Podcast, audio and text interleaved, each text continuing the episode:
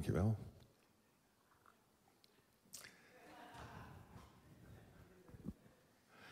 Ja, we zijn aan het einde gekomen van een, een serie dat uh, verspreid over drie maanden, zo'n drie maanden lang dus heeft geduurd.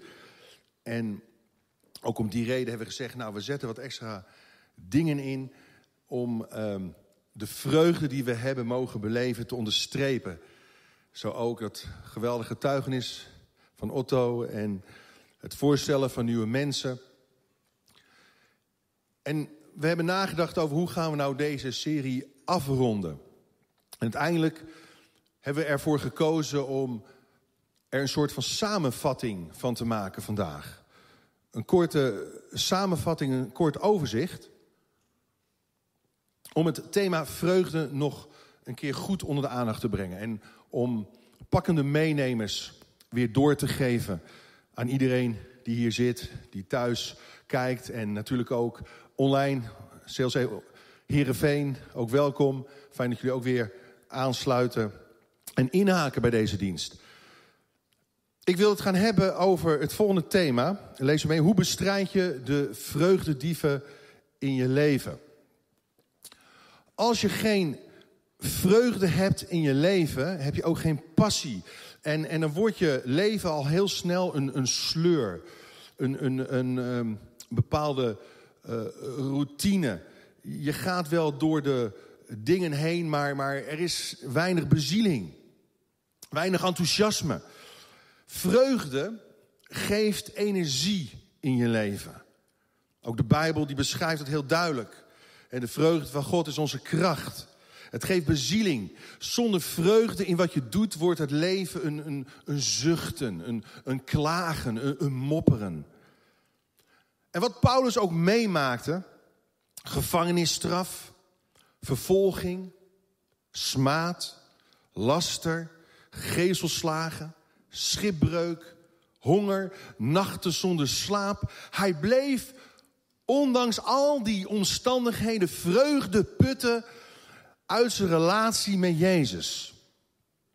Hij was zo, zo goed aangesloten op de krachtbron van vreugde. Dat al die omstandigheden die vreugde niet konden roven uit zijn leven. Maar de grootste vreugde dief, en die gebruikt of werkt soms ook door mensen of omstandigheden heen, is de boze. Gods aardsvijand, Satan. Jezus, hij noemt hem letterlijk en specifiek een dief. Er staat in het evangelie van Johannes 10 vers 10... een dief komt alleen om te roven, om te stelen, om te slachten, om te vernietigen.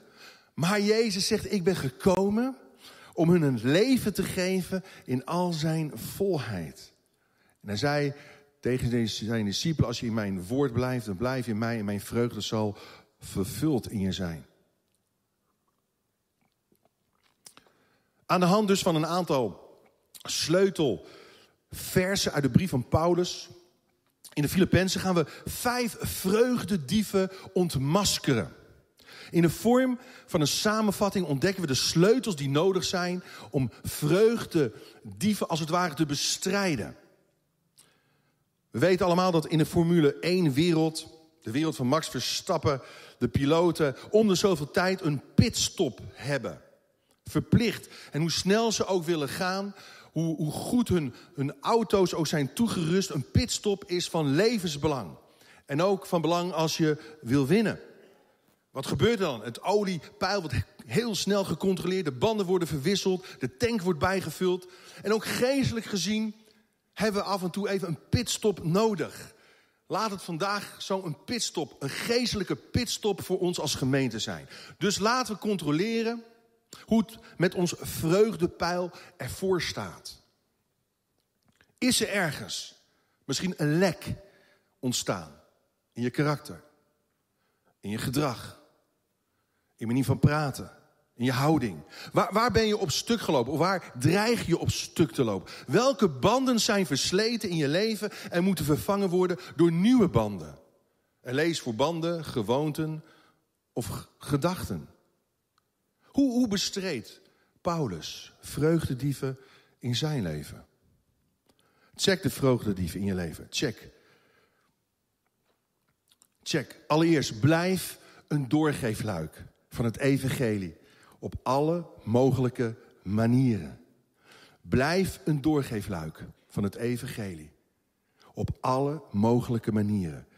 Filippenzen 1 vers 18. Wat zegt Paulus daarover? Hij zegt, maar wat dan nog? Wat telt is dat Christus wordt verkondigd. Of het nu uit valse of oprechte motieven gebeurt, dat het gebeurt, verheug me. En mijn vreugde is blijvend. En er waren mensen die hem bewust onderuit wilden halen, bewust hem de gevangenschap wilden verzwaren. En toch is hij in staat om te zeggen: Mijn vreugde is blijvend. Zo wat? Ik zal net als altijd in alle openheid blijven spreken, zodat Christus ook bij alles wat ik meemaak zal worden geëerd. Of ik nu in leven blijf of moet sterven. Want voor mij is leven Christus en sterven winst. Wat een, wat een uitspraak. En weet je, mensen die hun geloof aanstekelijk blijven delen met anderen. Op zoveel verschillende manieren, zoals we ook gezien hebben. Zoals Otto dat heeft gedaan, heeft, gedaan heeft uh, in de Oekraïne. Zo'n zo'n trip organiseren. Mensen hier naartoe halen. Mensen van voedsel voorzien. Hoe, hoe, hoe meer mensen dat doen, hoe blijder ze worden. Hoe meer je deelt met anderen, ook hoe meer God met jou dingen gaat delen. En we mogen op elk moment van de dag of week een doorgeefluik van Gods liefde zijn. En dat geeft vreugde. In de meest vervelende, moeilijke omstandigheden bleef Paulus in alle openheid spreken van Jezus. En was hij een getuigenis. Dus check. Een ongebruikt getuigenis kan een vreugdedief in je leven zijn. Dus geef de boodschap van Gods liefde en genade door. Op een manier dat bij jou past. Dat aansluit op jouw karakter. Op jouw persoonlijkheid. Op jouw talenten en mogelijkheden. Maar geef het hoe dan ook door. En blijf het doen. En wees daar creatief in. En ik wil ook u allen attenderen op het volgende. Over een paar weken is het alweer Pasen op de Witte Dollen gaan we iets unieks doen. Iets origineels, wat we nog nooit eerder hebben gedaan. In samenwerking met Salvation for Man. Voor Men. Salvation for Men. We gaan buiten het avondmaal vieren en, en de groene ster. En dan gaan we, daar gaan we een aantal prachtige liederen zingen. En ja, ze hebben van alles nog wat bedacht. Ik heb, ik heb het nog niet gehoord precies wat, maar het komt goed. En laten we bidden dat het droog blijft. Ja. Maar nodig mensen uit. Zo laagdrempelig, toegankelijk. En, op Goede Vrijdag hebben we een geweldige dienst wat we aan het voorbereiden zijn. Sun as Suffering is het thema. En, en met paas, op paaszondag gaan we mensen dopen. Maar laten we in de tijd die nu er nog is, tot aan Pasen, bidden en nadenken. Wie kunnen we meenemen? Wie kunnen we uitnodigen? Wie is geïnteresseerd? Blijf een doorgeefluik. Zo vertelde deze week iemand mij dat haar partner, een professionele muzikant, sinds hij onze diensten bezoekt, op een andere manier zijn talent inziet en zijn talent inzet. Zijn muzikale gaven gebruikt hij nu niet zozeer voor zichzelf, voor een eigen podium, maar hij gebruikt het om mensen te inspireren. Door middel van zijn muziek. Hij merkt dat het impact heeft en tot zegen is voor dementerende ouderen. En op die manier is hij een geweldig doorgeefluik. En dat vervult hem met blijdschap. Maar Paulus zegt ook, Colossense 4 vers 5, gedraag u wijs tegenover de ongelovigen. Gebruik elke gelegenheid om hun het goede nieuws door te geven. Wees in uw spreken vriendelijk en verstandig. En zorg ervoor dat u iedereen een goed antwoord geeft. Ik ben heel eerlijk, ik sta soms versteld wat christenen allemaal op hun social media posten. En misschien niet altijd zo verkeerd of zo, maar wel zo onwijs. Als je beseft dat ongelovigen ook meekijken en meelezen, hou daar rekening mee. Ook wat betreft de talen Kanaans. Laat, laat wat je zegt, wat je schrijft, innemend, inspirerend zijn, niet veroordelend. Laat wat je zegt innemend zijn, zegt Paulus, zodat Jezus wordt geëerd. Dus laat je gedrag, ja, laat je gedrag geen aanfluiting zijn voor het evangelie, maar een aantrekkingskracht. Geen struikelblok voor ongelovigen, maar een magneet voor mensen om tot Jezus te komen. Wees een brief, wees een mail, wees een app, een post van Christus leesbaar en zichtbaar voor iedereen. En vergeet niet dat je een ambassadeur van Jezus Christus bent, een vertegenwoordiger van. Je vertegenwoordigt de koning der koningen. Vergeet dat niet. Dus let op je gedrag. Let op wat je zegt en op wat je doet. Is dat wat God eert? Want weet je, als je doet wat God eert, dan produceert dat vreugde in je hart. En dan ten tweede, blijf handelen vanuit een mentale houding van nederigheid. Filippenzen 2, vers 2. Een samenvatting. Paulus zegt: Maak mijn vreugde dan volledig, compleet. Door uw eenheid van denken, uw eenheid in de liefde, uw saamhorigheid en eensgezindheid. Geef niet toe aan partijzucht en ijdelheid, maar beschouw in alle nederigheid de ander als hoger dan uzelf. Laat niemand alleen zijn eigen belangen behartigen, maar ook die van anderen. Weet je, eenheid krijg je alleen door nederigheid. Hoewel Paulus vol vreugde was over de gemeente in Filippi, waren er ook scheurtjes van verdeeldheid zichtbaar. Door geldingsdrang en eigenwaan. Er was een behoorlijk conflict ontstaan tussen twee leidinggevende vrouwen. En we weten niet precies waar het om ging. Maar vaak gaan conflicten over bijzaken die mensen tot hoofdzaken maken. Of eigen belangen overheersen algemene belangen. Of een mening wordt belangrijker dan de missie waar je voor gaat. Dus check, een onopgelost conflict kan een vreugdedief in je leven zijn. Conflicten kunnen je vreugde als geen ander de grond inboren. Conflicten ontstaan vaak door een verschil van inzicht, een verschil van smaak en vaak ook door miscommunicatie. Maar ze worden in stand gehouden, let op, door trots en ze escaleren door hoogmoed. Paulus' advies was dit: acht in alle bescheidenheid de ander belangrijker dan jezelf. Dus hoe gaan we om met elkaar? Acht de ander belangrijker dan jezelf. En weet je, een op zichzelf gericht leven zoekt geen heelheid, maar verdeeldheid. En pas op voor onruststokers, want die roven de vreugde uit je leven weg. Ga er boven staan. Tozer zei dit: wees nooit bang voor eerlijke en positieve feedback. Als de ander verkeerd zit, kunt u hem helpen. En als u verkeerd zit, kan hij u helpen. In beide gevallen wordt er iemand geholpen. Laten we elkaar helpen. En niet veroordelen. En niet afwijzen. Je, eenheid in harmonie. Eenheid in harmonie. In je relaties produceren vreugde. En dan ten derde. Het geheim van Paulus. Blijf je inspannen voor een zuiver en smetteloos leven. Filippenzen 2, vers 12. Bewerk uw redding met eerbied en ontzag. God immers brengt in u zowel het willen als het doen tot stand. Om zijn welgevallen te verwezenlijken. Doe alles zonder morren of tegenspreken, zodat u onberispelijk en onschuldig bent.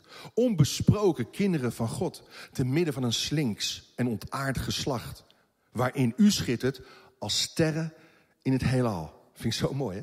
Als sterren in het universum. En dan zegt hij, en u moet even goed verheugd zijn en delen in mijn vreugde. Dus het heeft direct verband.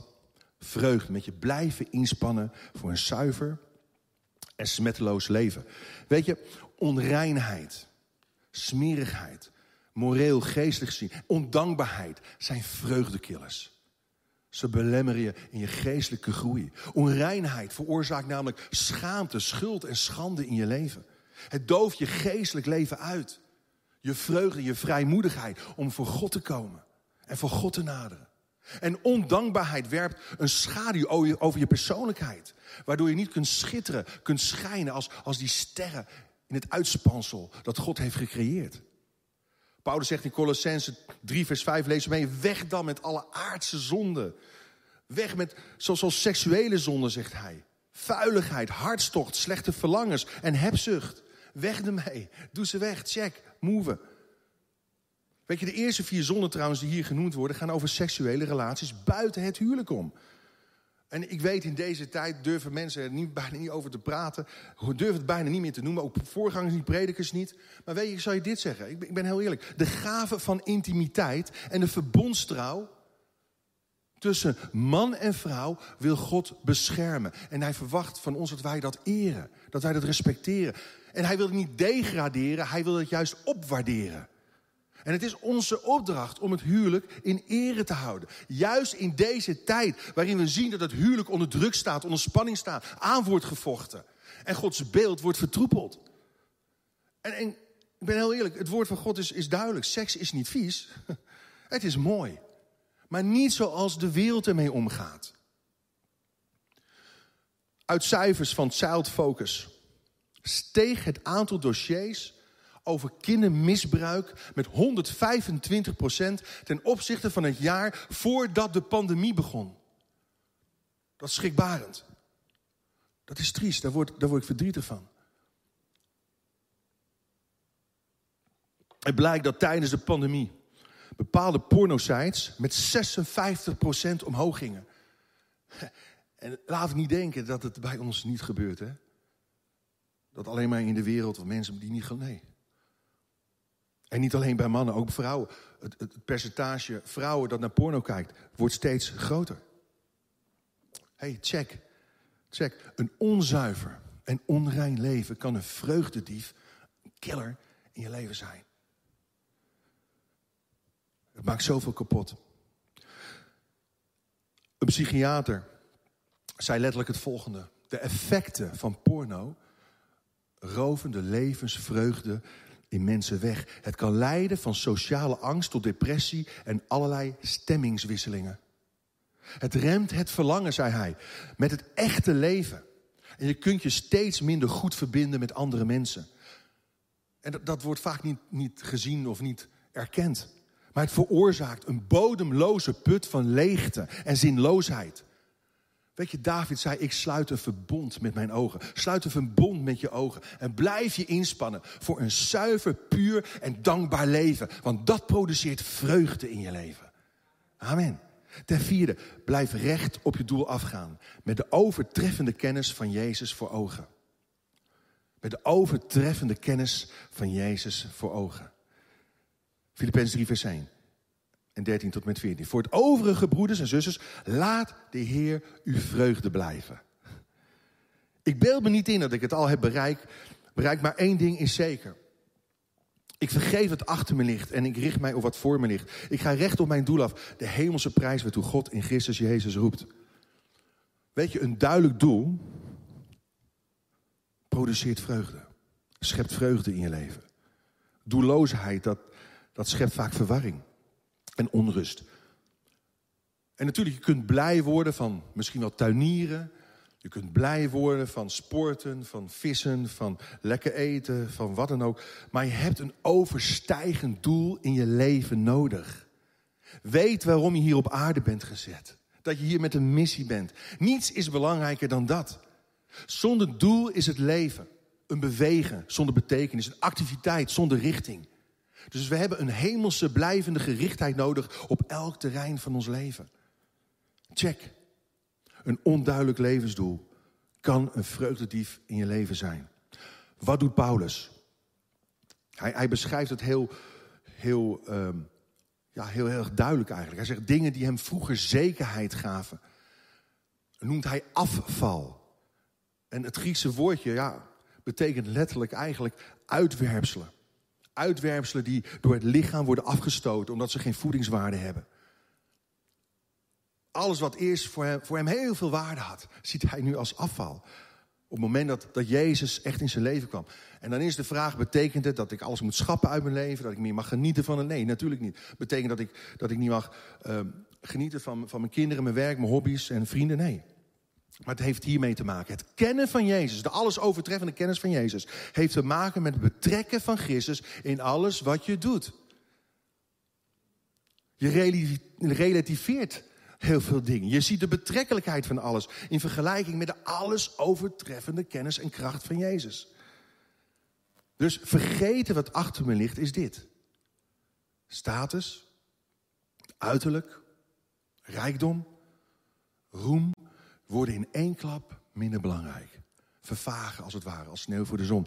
Want het leven in een onafgebroken relatie met Jezus is de winst waar het om gaat.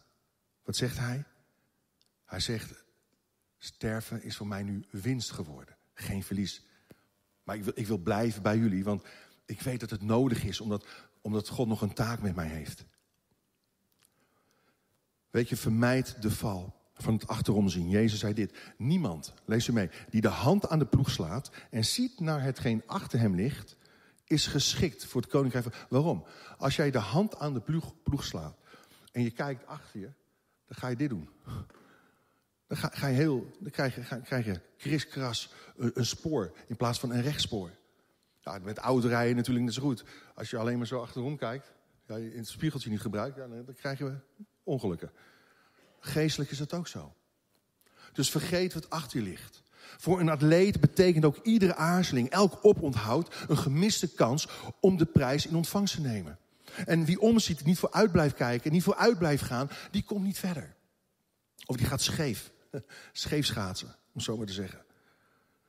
Ten vijfde, laatste punt. Blijf Gods waarheid, Gods principes in praktijk brengen. Door je denken te vernieuwen. Door je denken te vernieuwen. Verheug u altijd, lees u mee in de Heer. Nog eens zegt Paulus, verheug u. Filippenzen 4, vers 4. Ten slotte, zegt hij. Broeders en zusters, blijf aandacht besteden aan al wat waar is. Aan al wat edel is. Aan al wat rechtvaardig is. Aan al wat rein is. Aan al wat beminnelijk en aantrekkelijk is. Aan al wat deugd heet en lof verdient. En breng in praktijk wat u geleerd en overgeleverd is. En wat u van mij hebt gehoord en gezien.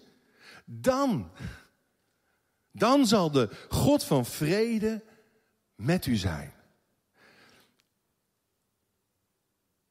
Het strijdveld begint in ons denken, altijd. Daar gaan we ook in een serie die gaat komen in april heel veel over praten. We gaan een serie doen over mental health. We gaan het hebben over heel veel dingen. Depressie, burn-out, bitterheid. Ga zo maar door. Eenzaamheid. Maar weet je, negatieve gedachten kunnen we wel gaan bevechten, bestrijden. Maar die moet, dat helpt vaak niet. Hoe meer je aandacht geeft aan iets negatiefs, hoe groter het wordt. Je moet negatieve gedachten vervangen met positieve dingen. Ik, ik kwam de uitslag van een onderzoek tegen over uh, hoe, een beetje hoe, hoe gedachten werken bij ons mensen. Een psychologisch onderzoek en het blijkt dat 80 procent, 80 procent, luister goed, 80 procent van onze gedachten zijn negatief gekleurd. Weet je dat? 80 procent. Als wij aan iets denken, of aan iemand denken, of aan onszelf denken, dan is vaak 80% negatief gekleurd. Behalve narcisten, hè? Die, die, die voelen zichzelf geweldig. En, uh, nee, maar over het algemeen genomen denken mensen heel negatief over zichzelf. Heel negatief. Heel negatief over anderen. 80% We zijn zo snel geneigd om over onszelf en andere mensen negatief te denken en naar beneden te halen, dat we heel veel positieve dingen er tegenover moeten gaan zetten. Ook in de gemeente. Je gedachten vullen met positieve, goede, zuivere dingen is zo ontzettend belangrijk. Als we blij willen zijn met onszelf en blij willen zijn over onze broeders en zussen, over andere mensen. Weet je, je gedachten trouwens en je daden geven vorm aan je karakter. Dus denk goed na over wat je toelaat in je denken. Houd je bezig, zegt Paulus, met alles wat waar is. Alles wat respect verdient. Alles wat goed is en zuiver. Alles wat waard is om van te houden. En alles wat eer verdient. Hou je daarmee bezig. Ga die dingen bedenken. Voed je brein met Gods woord en breng dat in toepassing. Breng dat in praktijk. En ik zal je dit zeggen: een, een, een waarheid of een bijbelse principe wordt pas een deel van je leven indien het in actie komt in je leven. Door een ontoegepaste waarheid verlies je je vreugde. En weet je, je hebt geen echte kennis van Gods woord zolang je er niet naar handelt. Dus check Een ontoegepaste waarheid kan een vreugdedief in je leven zijn. Gewoon niet doen wat God zegt. Terwijl je weet dat je het moet doen. Terwijl je weet wat goed is om te doen. Ik zal nog iets zeggen. Geloofsverdieping. Want heel veel mensen willen vaak diepgang. Maar geloofsverdieping ontstaat met name door de toepassing van Gods woord. Niet zozeer door een toevoeging aan nog meer informatie. Of nog meer kennis. God wil niet dat een stelletje van die, van die blokhoofden door het leven gaan. Hij wil dat we met harten vol passie en liefde door het leven gaan. Want de liefde die sticht, de kennis blaast op.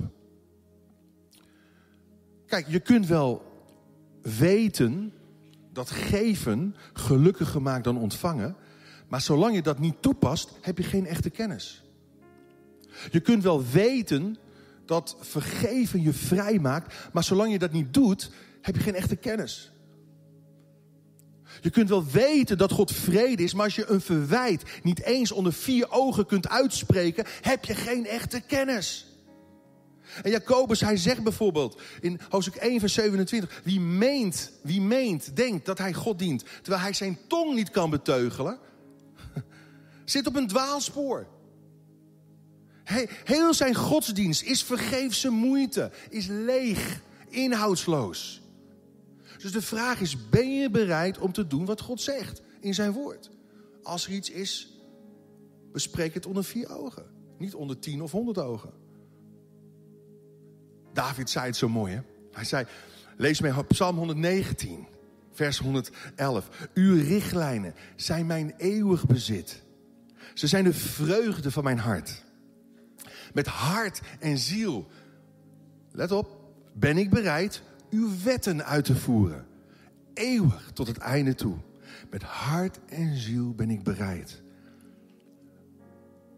Zullen onze hoofden buigen en onze ogen sluiten?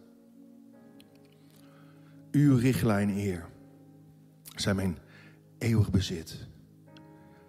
Ze zijn de vreugde van mijn hart, Heer. Ik bid zo dat het voor een ieder van ons is die hier nu zit of, of meeluistert, meekijkt naar deze dienst. En misschien zeg je, ja, maar het, het lukt me niet. Ik kan het niet. Het lukt me niet om Gods richtlijnen vast te houden. Of misschien zeg je, het lukt me niet om, om zuiver te blijven leven. Ik word elke keer weer verleid door die onreine gedachten of al die beelden. Oh, het lukt me niet om op God te blijven focussen, om doelgericht te zijn. Of misschien zeg je, het lukt me niet om nederig te zijn. Om, om het belang van de ander voor ogen te houden. Of misschien zeg je, ja, maar het lukt me niet om, om met mijn vrienden het geloof te delen, met mijn collega's. Maar weet je, het lukt mij ook niet. Uit onszelf kunnen we namelijk niets. Alleen in Hem en door Hem kunnen we het wel. En Paulus, hij zegt, alle dingen kan ik door Christus die mij kracht geeft. Alle, ik vermag alles in Hem die mij kracht verleent. In Hem kan het wel. In Hem en door Hem lukt het wel. Dus blijf je in die zin inspannen. Voor datgene waar het om gaat. En pas de waarheid van Gods woord toe. Pas de principes. Word een dader van het woord. Niet alleen een hoorder. En neem dat woord van God dagelijks in je op. Voed je brein met de belofte van God. Voed je brein met de richtlijnen van God, de voorschrift, de principes van God. Ze zullen je leven niet alleen verrijken, maar vervullen met vreugde. En ik wil gewoon heel eenvoudig vragen of je met me mee wil bidden, ook stiltjes in je hart. Het volgende gebed. Heere Jezus, maak mij bestand tegen al die vreugdedieven. En geef mij de kracht om te kiezen voor het goede. Vul mijn gedachten met uw woorden en met uw beloften. Zodat ik net als Paulus kan zeggen, ik verblijd mij. Opnieuw en opnieuw zeg ik, ik verblijd mij. Door Jezus die mij kracht geeft. In Jezus' naam. Amen. Zullen we God gaan aanbieden? Laten we staan.